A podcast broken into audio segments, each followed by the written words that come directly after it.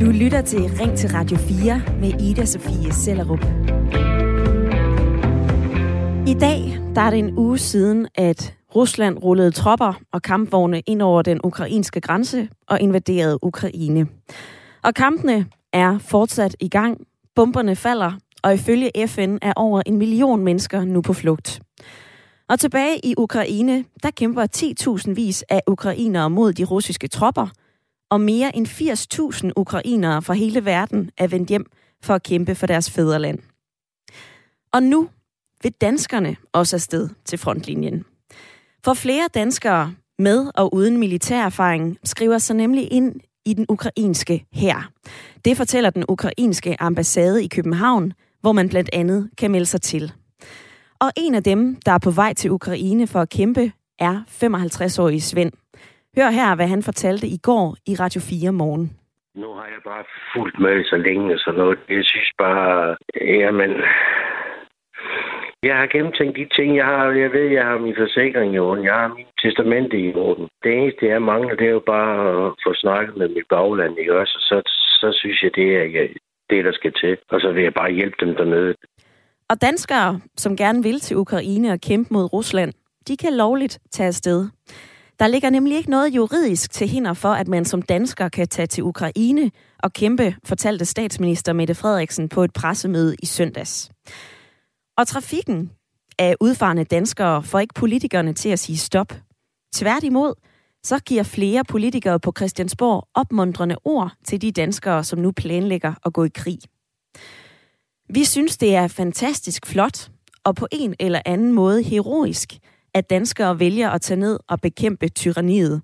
Det har vi kun stor og fuld støtte til, siger øh, Michael Åstrup Jensen, der er udenrigsordfører for Venstre. Nu vil jeg gerne høre fra dig. Er det heroisk, at danskere, uanset militær erfaring, vil kæmpe for Ukraine? Del dine tanker og din holdning med mig og lytterne. Ring ind på 72 30 44 44, eller send en besked. Skriv en sms til 1424, begynd den med R4 og lav et mellemrum, før at du fortæller mig, hvad du mener. Steffen Geo Jespersen på 24 øh, år, du er med i lytterpanelet fra Horsens. Velkommen til. Tak skal du have.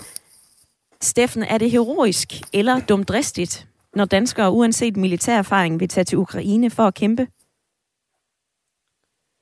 Altså mit personlige holdning vil sige, at det er nok lidt dumdristigt. Øh, der er i hvert fald nogle ting, man skal tænke igennem inden. Nu er øh, man kan se ind på Folk og Sundhed, som er en veteranforening, de har jo, de, de skriver nogle nogle spørgsmål, man måske skulle stille sig selv. Har man lyst til, lyst til at miste livet, eller har man lyst til at risikere fysisk eller psykiske velbefindende resten af livet?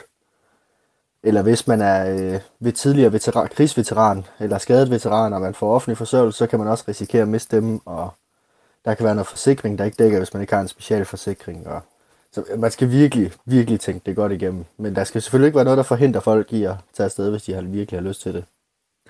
Og Steffen, du får også nævnt folk og øh, sikkerhed. Dem taler vi med lidt senere i programmet. Du stiller allerede nogle af de spørgsmål, som fremgår på en liste, som de netop har lavet til danskere, der overvejer at tage til Ukraine. Inden vi når dertil, så vil jeg sige øh, velkommen til den anden del af lytterpanelet. Morten Hast på 37. Du er med fra Birkerød. Ja, goddag. Hvad siger du til, at danskere vil kæmpe i Ukraine? Jeg er jo på samme øh, som siger, båd som Steffen, med at øh, altså, jeg kan se det der, hvis man har noget militær baggrund, så, så kan man godt tage derhen, men det andet, der tænker jeg, at det er lidt dumt øh, fordi at man kan ikke sproget. Øh, ukrainerne kan måske ikke engelsk. Øh, man står i pressede situationer. Øh, du har ikke nødvendig træning. Øh, jeg ved, den der herrens værnepligtuddannelse har fire måneder. Øh, den har man ikke. Øh, har man øh, det mentale øh, helbred i forhold til at kunne stå i sådan situationer. Øh, så jeg er lidt øh, skeptisk. To skeptiske stemmer i dagens lytterpanel. Steffen og Morten, I er med i den næste times tid.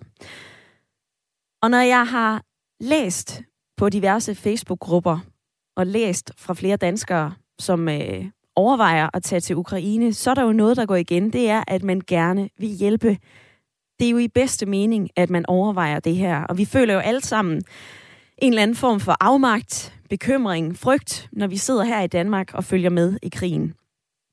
Men det er dumt og forbundet med stor fare, når utrænede og uerfarne melder sig under de blågule faner for at hjælpe Ukraine mod den russiske invasion. Det fortæller flere militære eksperter nu. En af dem hedder Kenneth Ønslager Bull. Han er militærforsker hos Forsvarsakademiet, og han har sagt til DRDK, den helt store risiko, det er, at man dør meget tidligt første gang, man er i kamp. Og hvis vi ser på nogle af de grunde til, at det her det kan være problematisk, så øh, for det første, så tager det jo flere år om at uddanne sig til professionel soldat. Den erfaring har man ikke, når man er utrænet dansk civil. For det andet har man gjort sig tanker om testamente. Hvad siger ens familie? Og for det tredje, så taler kun få ukrainske soldater engelsk. Og det kan altså også få store konsekvenser for kommunikationen i frontlinjen. Kære lytter, jeg ved, at det her det er et stort emne at tage op. Men hvad tænker du om det? Er det heroisk, når danskere med og uden militær erfaring vil kæmpe i Ukraine? Eller er det dumdristigt og en misforstået hjælp? Send mig en sms med din mening. Skriv til 1424. Eller ring at give din øh, stemme til kende. 72 30 44 44.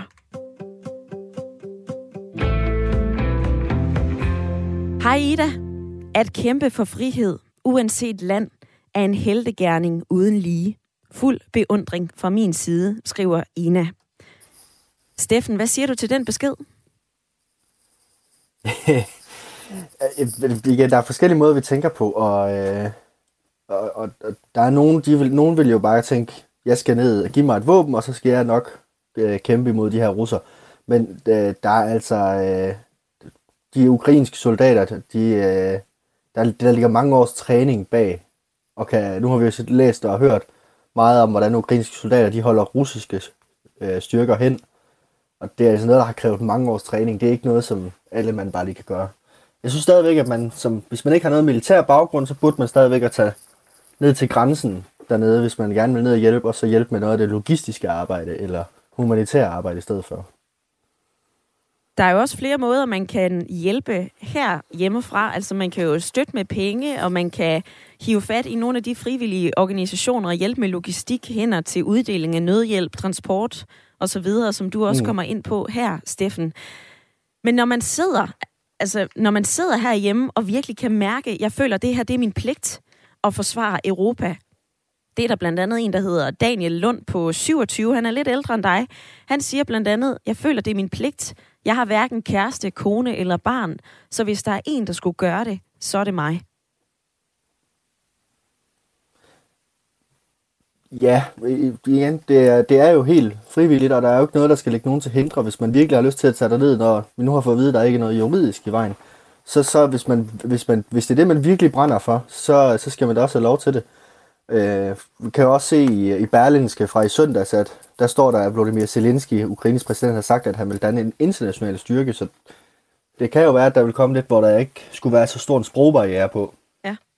ja, han har været ude og fortælle, at han vil øh, oprette sådan en... Øh jeg, vil, jeg var lige ved at sige paraply-delegation, men en delegation af udenlandske frivillige, som kommer til Ukraine for at hjælpe.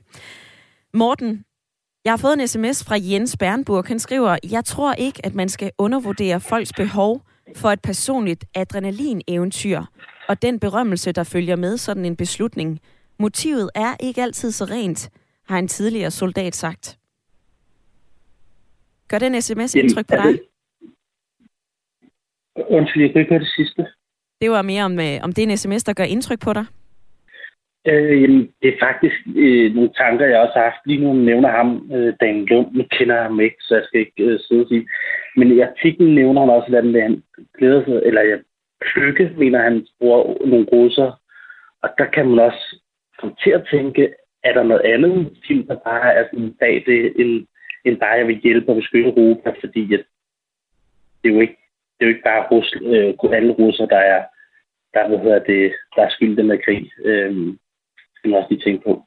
Øhm, så jeg, jeg, jeg er helt med på den der sms, at øh, der godt kan være nogle skydeglade mennesker, der måske øh, bare gerne vil ned og prøve at få et adrenalinkick.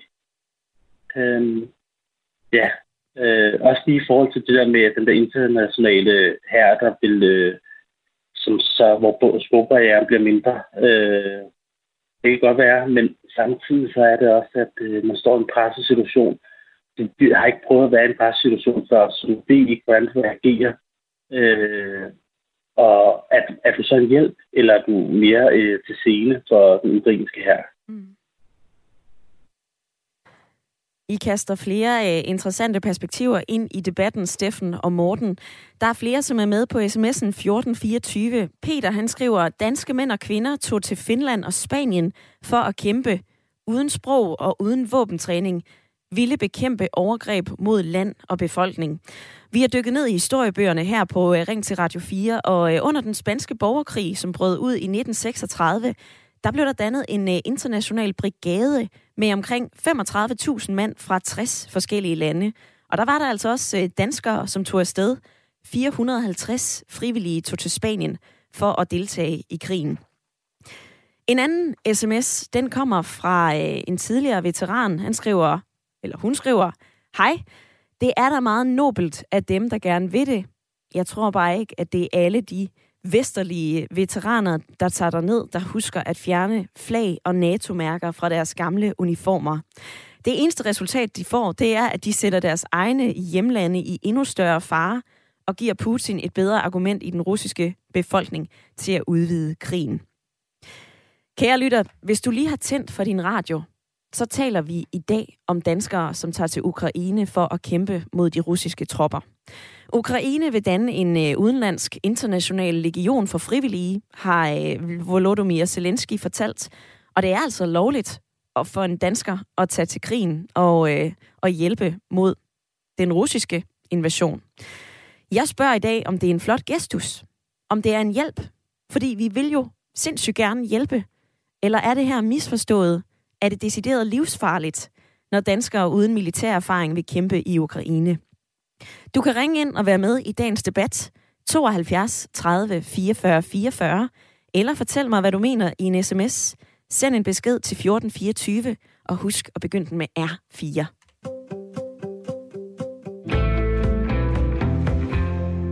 Danskere kan øh, blandt andet skrive sig på en liste hos den øh, ukrainske ambassade i København, hvis de vil til fronten og kæmpe mod Rusland. Og interessen, den er altså kun blevet større ifølge ambassaden, efter at statsminister Mette Frederiksen kom med den her melding på et pressemøde i søndags. Som vi ser det, så er der ikke øh, noget øh, umiddelbart juridisk til hinder for, at man kan rejse til Ukraine, og selvfølgelig på den ukrainske side være en del af konflikten.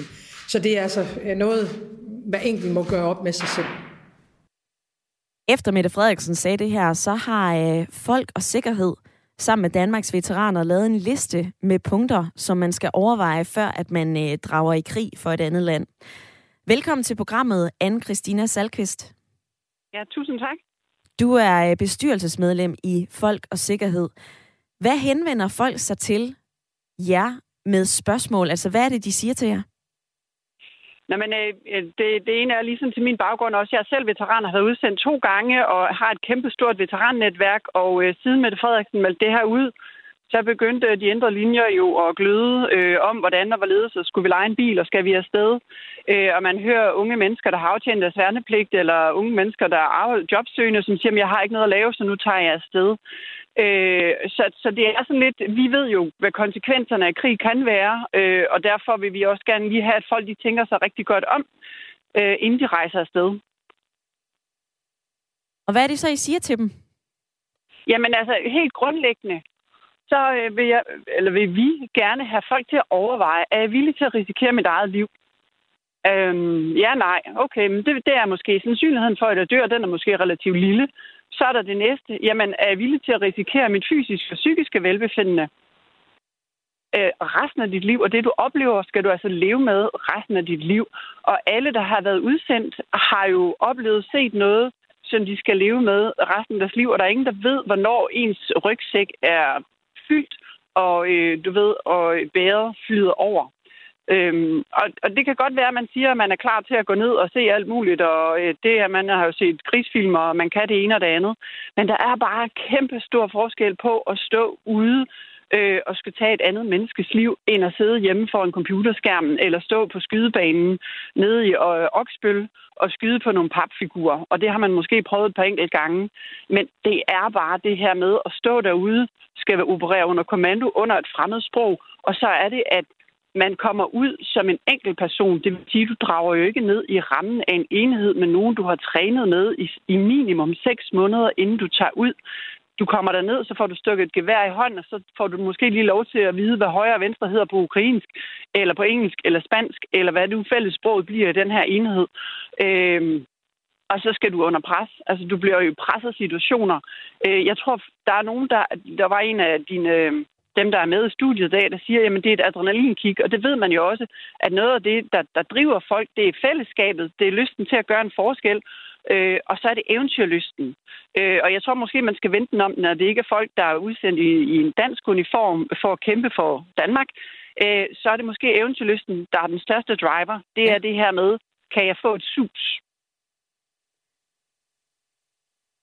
Ukraines præsident var jo ude allerede øh, meget hurtigt efter, at de russiske tropper de rullede ind over grænsen og sagde, prøv at høre, ingen kampdygtige mænd mellem 18 og 65 år må forlade landet. Vi skal simpelthen have mobiliseret en her. Vi tager også fat i folk i reserverne. Der er vel også mange af dem, som kæmper i Ukraine lige nu, af ukrainere, som ikke har den store øh, kamperfaring. Hvorfor er det så ikke, at man som dansk, uden så meget erfaring, ikke kan tage derned og være med? Mm, det må man også gerne. Du må gerne tage ned. Jeg tænker bare, øh, eller vi jeg mener, at man skal gøre sig nogle overvejelser, fordi der er stor forskel på at kæmpe i sit eget fædreland under sin egen regering, altså for sit eget land, og så være den uerfaren dansker, der tager ned øh, og tager et våben i hånden og går ind i et område, man ikke kender til. Man er ikke klædt på til kulturen. Han ved ikke engang måske, hvad det er for en, en fjende, man kæmper imod hvorfor det er, man skal kæmpe. Man og det, der er så mange ting, som, som, som, som er forskellige fra at være dansker, der tager til Ukraine og kæmper i Ukraine, end at være ukrainer, der kæmper i sit lokalområde måske. Øh, jeg har kæmpe stor respekt for alle de øh, lokale ukrainer, der lige nu laver molotov-cocktails, laver sandsække, ødelægger broer for, at russerne ikke kan rykke frem. Øh, men, og det kan de gøre, fordi de kender, de kender lokalområdet som deres egen bukselomme. Men en, der er født og opvokset i Vejle, han kan fandme ikke finde rundt i Ukraine. Hvad så med de danskere, som har militær erfaring? Øh, altså langt, langt de fleste af de danskere, der rent faktisk har militær erfaring, de ved også godt, at man, man går ikke ind i en konflikt, fordi det, det, man er kun med til at eskalere konflikten, det at gå ned og bidrage til den. Så derfor er der rigtig mange, der faktisk forsøger at hjælpe med at styre og koordinere logistik i stedet for at ordne nødhjælp, sikre for førstehjælpstasker, sikre for det udstyr, som de ukrainerne har behov for. Fordi kan vi støtte på den måde, så tror jeg faktisk, vi vil være med til at løfte. Selvfølgelig mangler der måske nogle hænder, men, men der er jeg ikke militæranalytiker. Jeg ved ikke øh, størrelsesforholdene, om det er 1 til 3 eller 1 til 9, eller efter om det er åbent, eller ind i byerne, de skal kæmpe. Øh, og der kan vi hjælpe dem. Vi kan hjælpe dem med noget militært grad. Øh, noget, noget ordentlig logistik kan vi måske gøre, men vi skal også passe på, fordi vi er stadigvæk et NATO-land, og som der var en, der har sendt en sms ind, vi skal ikke rende rundt dernede med et dansk flag på, fordi det kan være med til at eskalere konflikten. Anne-Christina Salkvist, bestyrelsesmedlem i Folk og Sikkerhed. Tak til dig. Selv tak. God dag. Inden vi går videre, så kom lige med i debatten. Er det heroisk? Er det en hjælp, at mange eller flere danskere, vi ved ikke hvor mange, fordi det kan den ukrainske ambassade ikke oplyse om, men at danskere uanset militær erfaring melder sig til at kæmpe mod de russiske tropper i Ukraine. Eller er det dumdristigt? Er det farligt? Både for dem, der tager afsted, men også for de ukrainske soldater og andre, som kæmper lige nu. 72 30 44 44 er nummeret her ind til mig. Du kan også sende en sms på 1424. Skriv R4, lav et mellemrum, og så din besked. Bjarke han skriver, Hej Ida, gestus er fin, men det er nok også det. Jeg tror, at vi skal passe på med ikke at blive for kampglade i det her land, fordi jeg er overbevist om, at vi er klogere end det. Selvfølgelig skal folk, der mener det, have lov til at tage afsted, men lad os lige holde lidt på dem, der bare gør det. Velkommen til programmet, Ulla. Ja, tak. Du er med på en telefon fra øh, København. Synes du, ja. det er dumdristigt eller nobelt, når danskere de vil drage i krig for Ukraine? Altså, tanken er nobel, det vil jeg så sige med det samme, men jeg synes bestemt ikke, det er klogt. For det første, så øh, har, øh, har vi fået at vide, at øh, soldaterne ikke kan engelsk. Hvordan skal de kommunikere? Og så en øh, 55-årig herre, som overhovedet ikke har nogen militær træning, tager ned og forstår ikke sproget, øh, forstår ikke øh, hvor, øh, eller logistikken osv. Ja, ja, altså, ja, ja, motivet er ædelt. Bestemt, vi sidder jo alle sammen. Hvad kan vi gøre? Men vi kan jo gøre noget, uden at skal ned og forvirre øh, soldaterne. Altså, jeg, jeg, jeg, jeg kan ikke forstå det. Altså, det kan jeg simpelthen ikke. Øhm, så det der med, at man, at man... Jeg forstår godt, at vi alle sammen vil gøre noget. Vi står alle sammen på tæerne for at gøre et eller andet. Men så vil vi gøre det fornuftige. Altså, at, at uerfaren herre tager ned og vil, vil kæmpe øh, altså, øh, på en slagmark, hvor de ikke kan kommunikere sammen. Altså, har ingen erfaring overhovedet, vil bare ned og kæmpe.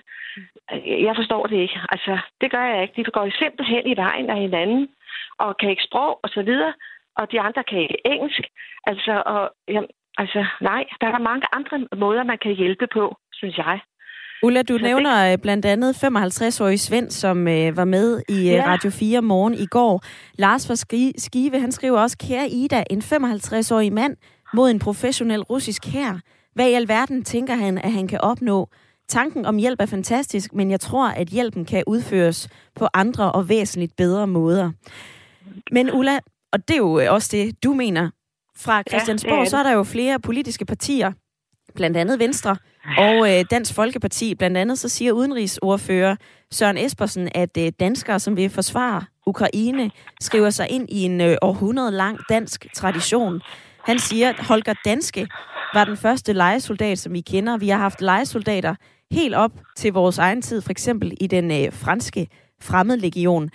Hvis man selv vil, og man ikke bliver tvunget, er det så ikke okay? Nej, det er det ikke. Fordi man, for det første, så de øh, stakkels soldater, de, de øh, skal holde øje med, måske med en, de ikke kan kommunikere med. Altså, det, det er da helt hen i vejret. Det synes jeg, det er. Man kan have andre måder, man kan, man kan hjælpe på, og ikke at gå i vejen. Altså, de kender hverken øh, landet, jeg, kender, regner ikke med, at de har været nede og, og lokalisere, hvordan og hvorledes. Altså, de kender ikke landet, de kan ikke sproget, øh, og de andre kan ikke engelsk. Hvordan i alverden skal det kunne foregå? De skal også holde øje med, med en dansker måske, som ikke er helt ung og som ikke er trænet. Ej, altså, nej. Jeg synes, det, jeg synes ikke, man kan, jeg synes, det er forkert, at de også skal til at holde øje med, med folk, der er middelalderne, mm. og som ikke har nogen øh, soldatertræning og ikke kan sproget. Hvordan i alverden skal det gå? Ulla, altså, det spørgsmål, det tager jeg videre til den næste lytter. Tak for din tid. Nå, vel tak. Jeg kan nemlig byde velkommen til øh, Henrik, som er med på en telefon fra Albertslund. Ulla, hun siger, øh, hvordan i alverden skal det gå, hvis utrænede danske soldater, civile, tager ned og, øh, og ender med at gå i vejen for de ukrainske soldater. Hvad siger du til det perspektiv? Øh, jeg siger, at det, det, det, det må gå, som det nu engang går i krig. Krig er generelt meget uforudsigelig. Så ja, der er, en, der er nok en del af, af de danske drenge, der drejer sig derned, der må, der må lade livet hurtigt. Øh, der er også en del af dem, der vil, der vil, vil man sige, blive dygtige kompetenter. Kan man ikke hjælpe på en anden måde, Henrik? For eksempel med nødhjælp, eller tage dig ned for at hjælpe med logistik? Jo, jo. Nu har vi siddet og hørt Radio 4's øh, program om nødhjælp, hvor de fortæller, at, at de, de er simpelthen ved at blokke ting op ved grænsen for at hjælpe dem, der kommer ud. Altså, det, det, det, og nu, nu er det ved at være for meget, der bliver sendt afsted. Altså, helt ærligt. Det eneste, der kan gøres for det her, det er, at vi ikke skal stå og hjælpe et helt land ude for grænserne af, det er, at man tager ind og stopper aggressionen. Sådan lyder det altså fra Henrik, som var med kort fra Albertslund. Tak for at øh, give dit synspunkt i dagens debat, Henrik. Om lidt, der skal vi tale videre om danskere, som drager mod Ukraine for at kæmpe.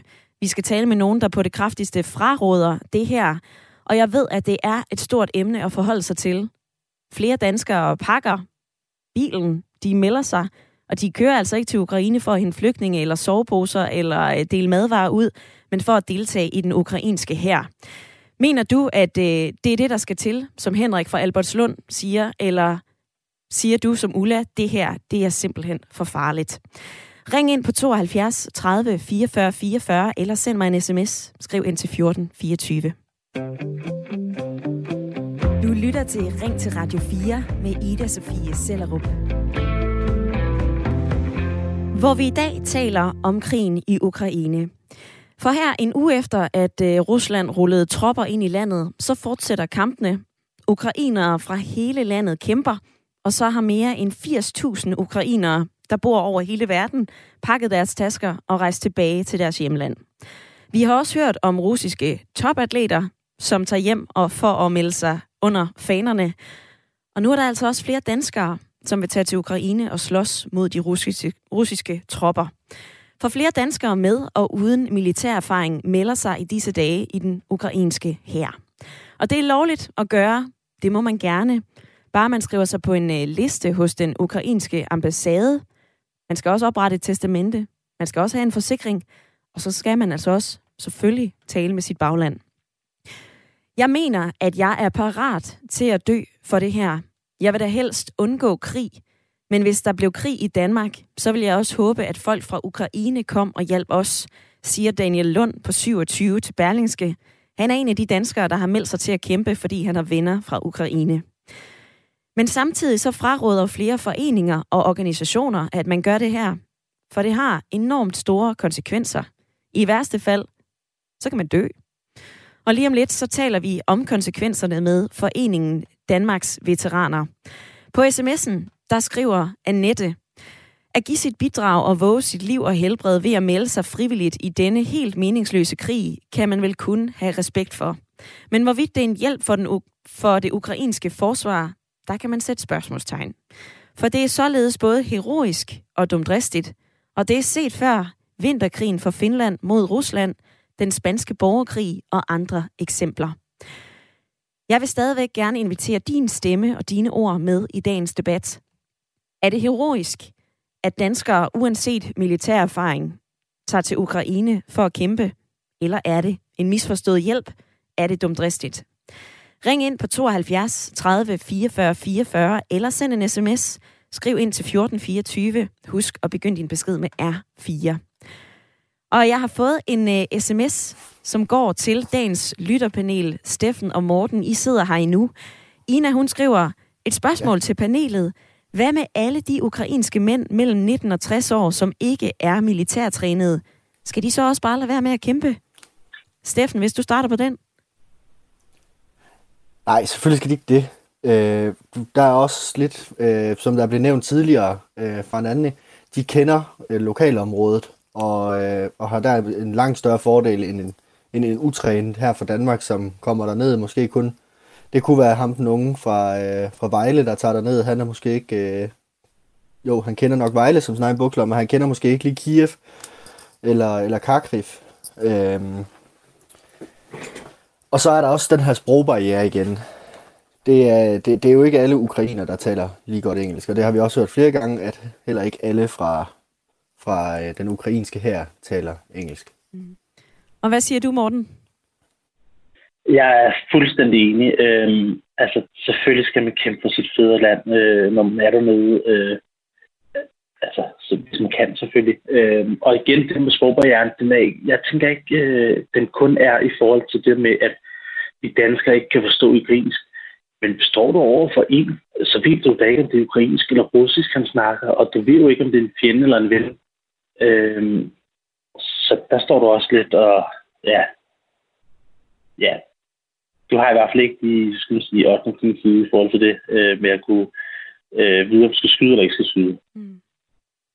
Steffen og Morten, I er med frem til øh, klokken 10, og øh, Jørgen Stokfeldt fra Hillerød, han har skrevet en sms. Det kan du også gøre til 1424.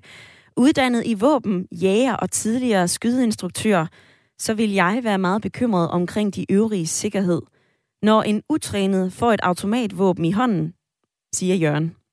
Annette, hun skriver, måske skulle vi også bruge vores sunde fornuft og ikke lade os rive helt med af vores medfølelse for dette urimelige overgreb. Samtidig så er det vel rimeligt at tage vare på vores egen sikkerhed. Vi skulle jo nødt blive en tredje part i denne meningsløse krig. Hold hjertet varmt og hovedet koldt. Jeg spørger i dag, om det er heroisk eller dumdristigt, når danskere uanset militær erfaring skriver sig op og deltager i konflikten i Ukraine og har lyst til at kæmpe mod de russiske tropper. Vi skal til Bornholm, for jeg kan sige øh, velkommen til dig, Thor. Ja, goddag.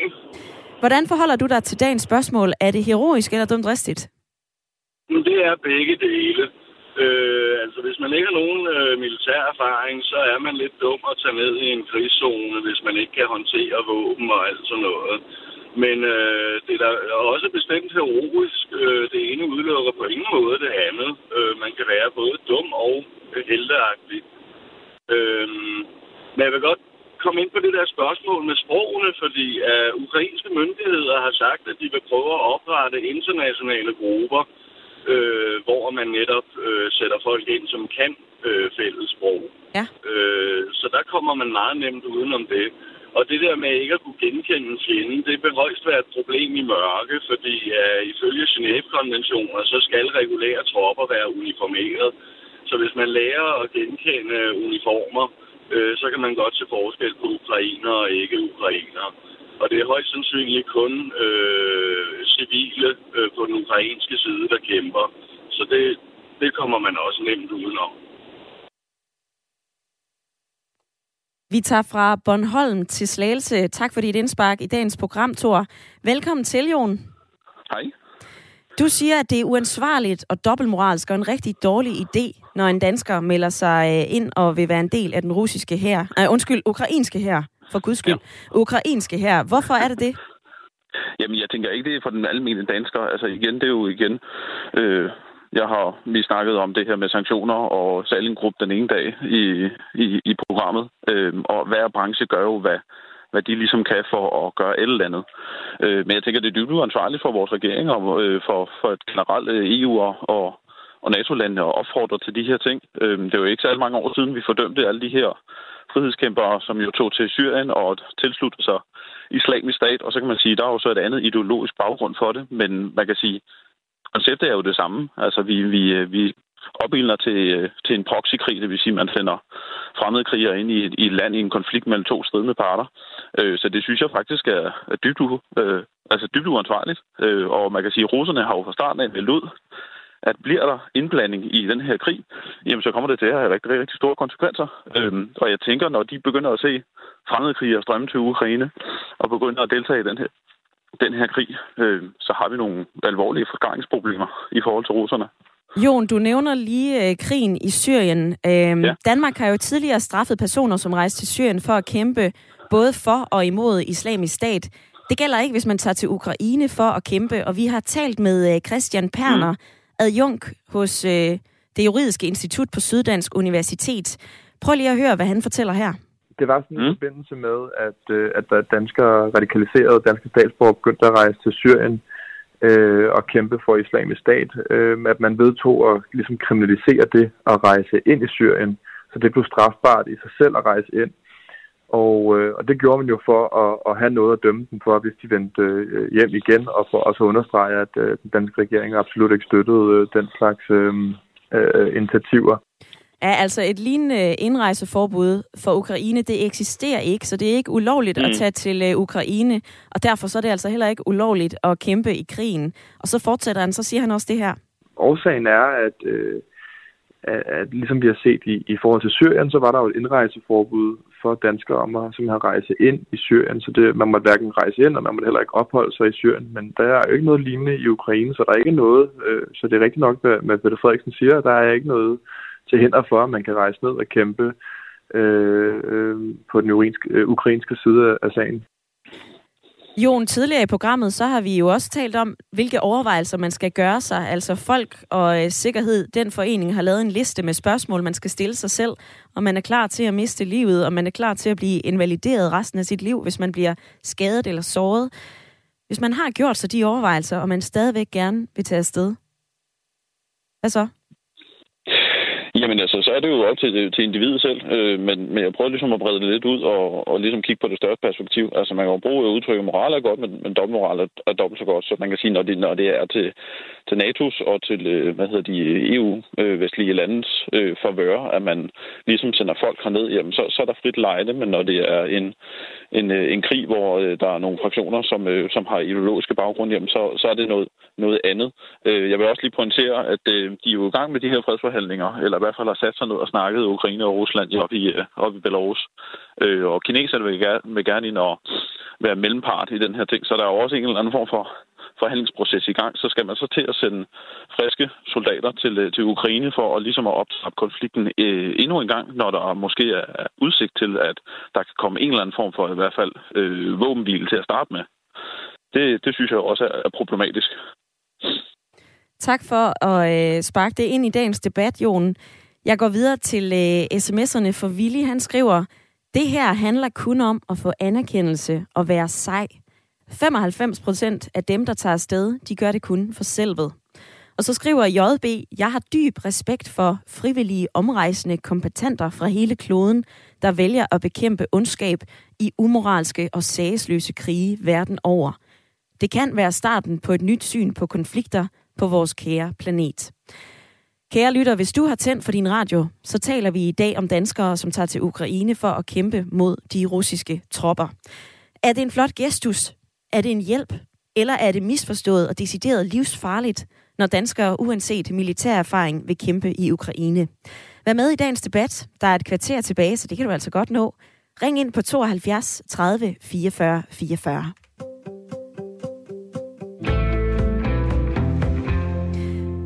Bidrager man reelt med en øh, god, gedin indsats, eller risikerer man liv og lemmer for noget, der kan virke dumdristigt? Jeg kan nu byde velkommen til øh, den næste gæst, Niels Hartvig Andersen. Velkommen til. Tak for det. Du er formand for øh, Danmarks Veteraner, og du advarer danskere mod at drage til Ukraine for at kæmpe. Hvorfor? Fordi det mest livsfarlige, man kan give sig til, det er at gå i krig. Øh, især hvis man ikke er, er uddannet soldat og har erfaring med øh, det her livsfarlige erhverv. Du har været i forsvaret i 40 år. Du har været udsendt fire gange, blandt andet i Afghanistan. Hvad er det for men, som folk kan risikere at komme hjem med, hvis de kommer hjem? Jamen, de kan jo risikere at dø, øh, og det er det, man skal gøre op med sig selv. Øh, og man er villig til at give sit liv for den her øh, gode sag, hvor man er villig til at tage et andet liv, for det er det ultimative. Og hvis man allerede herhjemme kan tænke over det, man er ikke, man er ikke villig til at slå et andet menneske ihjel, så skal man jo ikke tage afsted. Men øh, hvis man bliver såret, øh, så man skal huske, at man skal være indrulleret i den ukrainske her, for ellers så er man jo terrorist øh, og ikke omfattet af krigens love. Øh, og man skal også lige tænke over, at øh, der er jo ikke, Danmark står jo ikke parat til at hjælpe med at få, øh, hvis man er såret eller død, at få en hjem igen. Der er ingen forsikringer. Øh, der er simpelthen så mange øh, ulemper ved at melde sig øh, til at tage ned til, til Ukraine. Jeg, jeg vil råde, at man skal øh, sin energi øh, på en anden måde end at gå ned og livet. Og forbindelsen til dig, øh, Nils Hartvig Andersen, den er øh, lidt shaky. Jeg fortsætter. Jeg har fået en sms fra Jakob, der skriver, at bruge rationelle argumenter for at blive hjemme, løser ikke den irrationelle ondskab, som slår uskyldige ihjel. Jeg løfter på hatten for de modige mænd og kvinder, som drager afsted. Hvad siger du til sådan en sms? Jamen, jeg har også fuld respekt for dem, der efter en moden overvejelse gør ned og gør det. Men hvis jeg som professionel soldat skal kæmpe med en, som ikke er uddannet, så vil jeg sige, at det er altså mere farligt for, øh, for, for dem, man gerne vil hjælpe, øh, en, øh, en, en effekt. Og der er ingen effekt i det. Udover den, det politiske signal, som jeg godt kan se, at der er noget PR i, hvis man kan få 10 forskellige landes øh, øh, borgere til at stå frem og så sige, se hvor mange der kommer og hjælper Ukraine. Men effekten, det er, altså man kan ikke gå ned og kæmpe i, øh, som enkelt person øh, i, og i enheder, hvor man ikke kan sproget, og, man, og hvis man ikke har en uddannelse. Det er, det, det er simpelthen en ulempe for den enhed, man gerne vil hjælpe. Du har tidligere udtalt, at man også ender som, øh, som dansker som en, et, en hund i et øh, spil kejler. Tidligere var vi inde på, at øh, Ukraines præsident har sagt, at vi laver en øh, international legion med øh, frivillige fra flere forskellige lande, kan vi ikke have en tiltro til, at det ukrainske forsvar nok skal hjælpe de folk, som vil ned og kæmpe på vej? Øh, det kan man håbe på, øh, og det er, jo, det, det er jo så den næstbedste løsning, at hvis man endelig vil, så at man kan komme via den ukrainske ambassade til at være sådan en enhed, hvor man formentlig kan, kan tale engelsk, øh, således man kan, man kan få indøvet nogle rutiner, således man ved, at øh, markerne ved siden af forstår det samme, hvis man skal gå til højre eller man skal gå til venstre, at der er en sikker kommunikation og en kampeksercits og en våbeneksercits. Det kan man håbe på. Øh, men det her med, at man tror, at man skal ud og stå på barrikaderne, ligesom med under den franske revolution med, øh, med det øh, blå øh, gule flag, øh, det tror jeg ikke på, der er. Øh, det kan godt være, at man kan være hjælper nede som sygehjælper og sådan noget bag 100 km bag fronten. Det, der kan man også gøre en indsats. Men det der med at komme ud og stå i forreste linje, det tror jeg ikke på. Tak til dig, Nils Hartvig Andersen, formand for Danmarks Veteraner. Selv tak. 72 30 44 44 eller en uh, sms til 1424. Det er den måde, som du kan være med i dagens debat. Hans Rytter, han skriver, Hej, Rusland skal ud af Ukraine. En hver hjælp til Ukraine skal hyldes. Hvis det optrapper konflikten, so be it. Jan skriver, som tidligere professionel soldat med 13 års erfaring, må jeg bare sige, at folk, der ikke er uddannede soldater, ikke skal tage afsted for at slås. De kommer kun til at være i vejen og til fare for deres kolleger. Hvis de gerne vil ned og fylde sandsække og lignende, så er det fint. Velkommen til programmet, Michael. Jo, tak skal du have. Du er med fra øh, Hobro. Du synes, det er synd, at der er kritik af, af de danskere, som tager afsted for at kæmpe til øh, Ukraine. Hvorfor er det synd? Jamen, jeg synes egentlig, øh, jeg synes, den krig her, den er, den er rigtig forfærdelig. Og det er den jo egentlig i bund og grund, fordi ukrainerne jo, jo gerne vil være selvstændige. Og det er, jo, det er jo, de vil gerne leve i et selvstændigt land, og de vil gerne være frie, og de vil gerne leve under demokrati. Øhm, og man kan sige, at russerne har angrebet, hvad skal man sige, den her form for frihed og demokrati.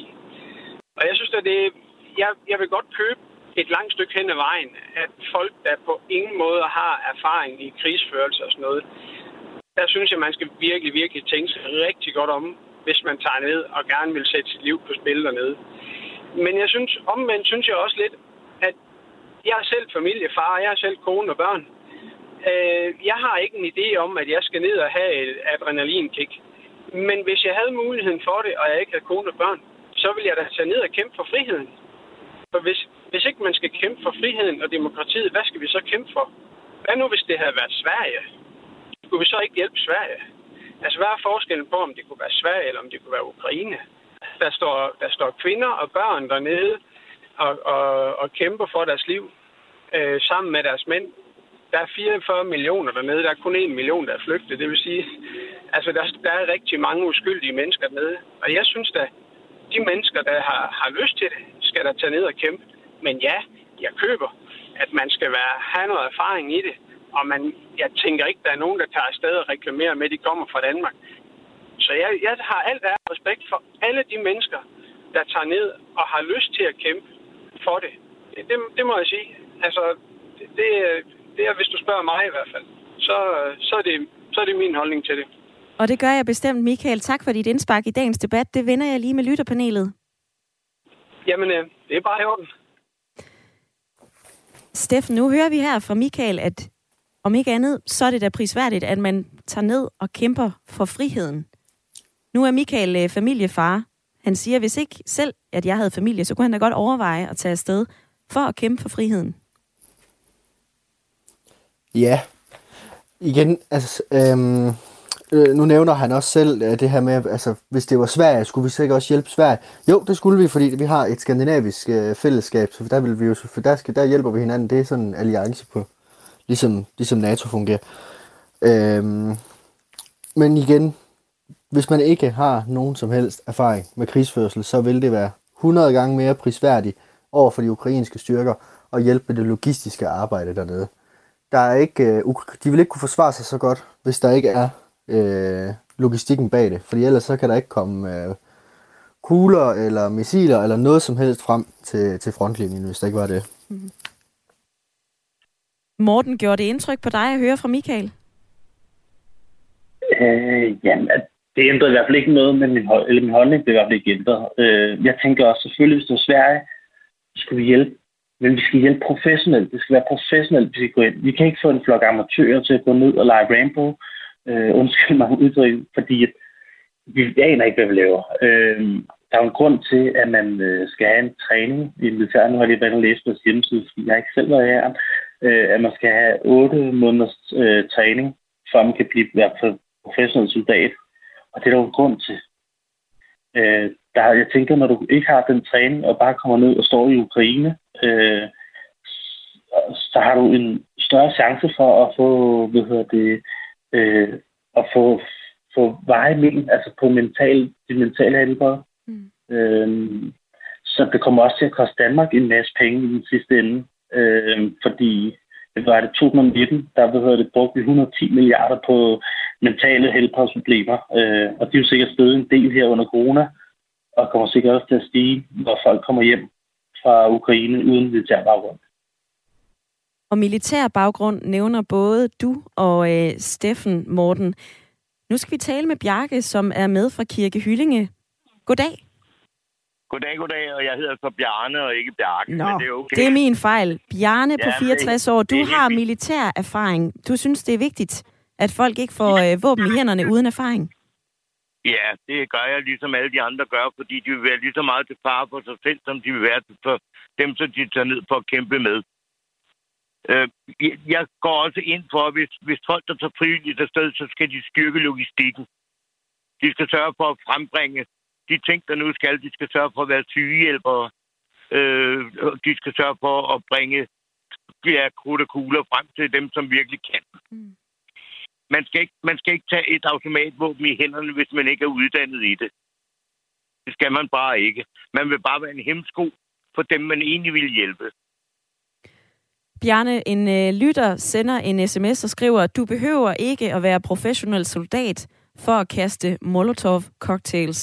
Vi ser jo blandt andet øh, ukrainske familier, kvinder, også børn, som laver øh, Molotov-cocktails. Hvad siger du til sådan en sms? Ja, men jeg tror, han har misforstået noget, for det er ikke den ukrainske her, der bruger Molotov-cocktails. Det er den civile, skal vi kalde det folkehær. Fordi man det netop ikke har udrustet dem med, med almindelige øh, militære våben. Øh, en ukrainsk soldat, han vil bruge håndgranater, han vil bruge automatvåben, han vil bruge missiler og andet militær gisentram. Så, så der kan jeg kun sige, at det er ikke aktuelt. Tak for dit indspark i dagens program, Bjarne, som var med fra øh, Kirke Hyllinge. Tina, hun skriver på sms'en, Hej, ja, det er vel heroisk, eller rettere, det er folk med moralen i orden, i modsætning til NATO og hele Vesten – Kritik af heltene skyldes formentlig dårlig samvittighed og kujonagtig indstilling. Jens skriver, at man må virkelig ikke håbe, at de unge danske mænd, der drager i krig, har deres opfattelse af en væbnet konflikt fra Counter-Strike eller andre computerfilm øh, og spil for en, øh, en uprøvet 24-årig uden militær baggrund, så kan det da både være, at man bliver dræbt eller for evigt traumatiseret i Ukraine. Og så skriver en tredje lytter, det er flot, de, de vil gøre noget, men det er ikke så nemt at være i krig, som det ser ud til. I skal se jer selv som døde den dag, I krydser grænsen til Ukraine, men god jagt til dem, der gør det. Steffen, vi er ved at nå til vejs inde i dagens debat. Hvad tager du med dig ja. hjem? Jamen, altså, jeg har, jeg har siddet og skrevet lidt ned under debatten her. Øhm, vi, vi, I starten kom vi jo ind på det, på, på det historiske i det, med at vi jo har haft legesoldater i anførselstegn i, i Danmark i mange år. Ja, den spanske øh, borgerkrig var der også flere. Borgerkrig. Mm. Den spanske borgerkrig, det er noget af det første, som vi, eller noget af det, som vi i nyere tid kender så meget til. Øh, der er jo 550 danskere, der tog dernede, hvor 30 procent er cirka døde. Det er 150, man har opgjort det i, i felten, og, og 70 øh, af sygdom. Og så, som sådan, Søren Espersen siger, der er også mange danskere i øh, fremmedlegionen i Frankrig, men der skal lige det i mente, at de bliver militært uddannet dernede, inden de bliver sendt i krig. Så, så det, igen, der, der vil altid være lidt noget, noget militær træning i form, når du kommer fra en professionel her. Mm. Henrik fra øh, Albertslund, han øh, sagde jo også, prøv at høre, der sker ikke noget ved, at vi som Danmark gør noget uden for Ukraines grænser. Vi bliver nødt til at gå inden for krydse grænsen. Øh, vi hørte også fra Michael, som sagde, at vi, vi, vi må jo også kæmpe for friheden. Var det her nogle indspark, der rykkede ved din holdning, Steffen? Nej, det var det faktisk ikke. Øh, nu har jeg selv øh, en, en, øh, en, noget, noget militær baggrund, og øh, der, hvis du ikke har noget militær baggrund, så er det bedste, du kan gøre, det er at hjælpe med logistikken.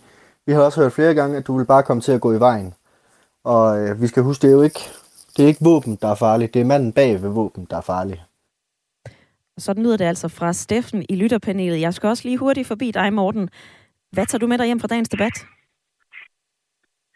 Øh, jamen, altså, som, som Steffen også siger i forhold til det med, med historien, øh, altså, der, øh, ved det, min spanske borgerkrig, der måtte jeg også lige tage tingene op til genovervejelse lige for, hvad, er det, er det rigtigt, det jeg tænker, og så videre. Øh, og, og jeg har det på samme måde som Steffen. Jeg synes ikke rigtigt, det har rykket min holdning, nogle af de ting, der er kommet. Øh, så I to, I er altså stadigvæk på, at det er mest dumdristigt, hvis man som dansker, uanset militær erfaring, tager til Ukraine for at øh, deltage i krigen. Vi når ikke mere i dagens program. Ring til Radio 4 er tilbage igen i morgen. Husk, at du kan følge konflikten og hvordan det udvikler sig her på Radio 4.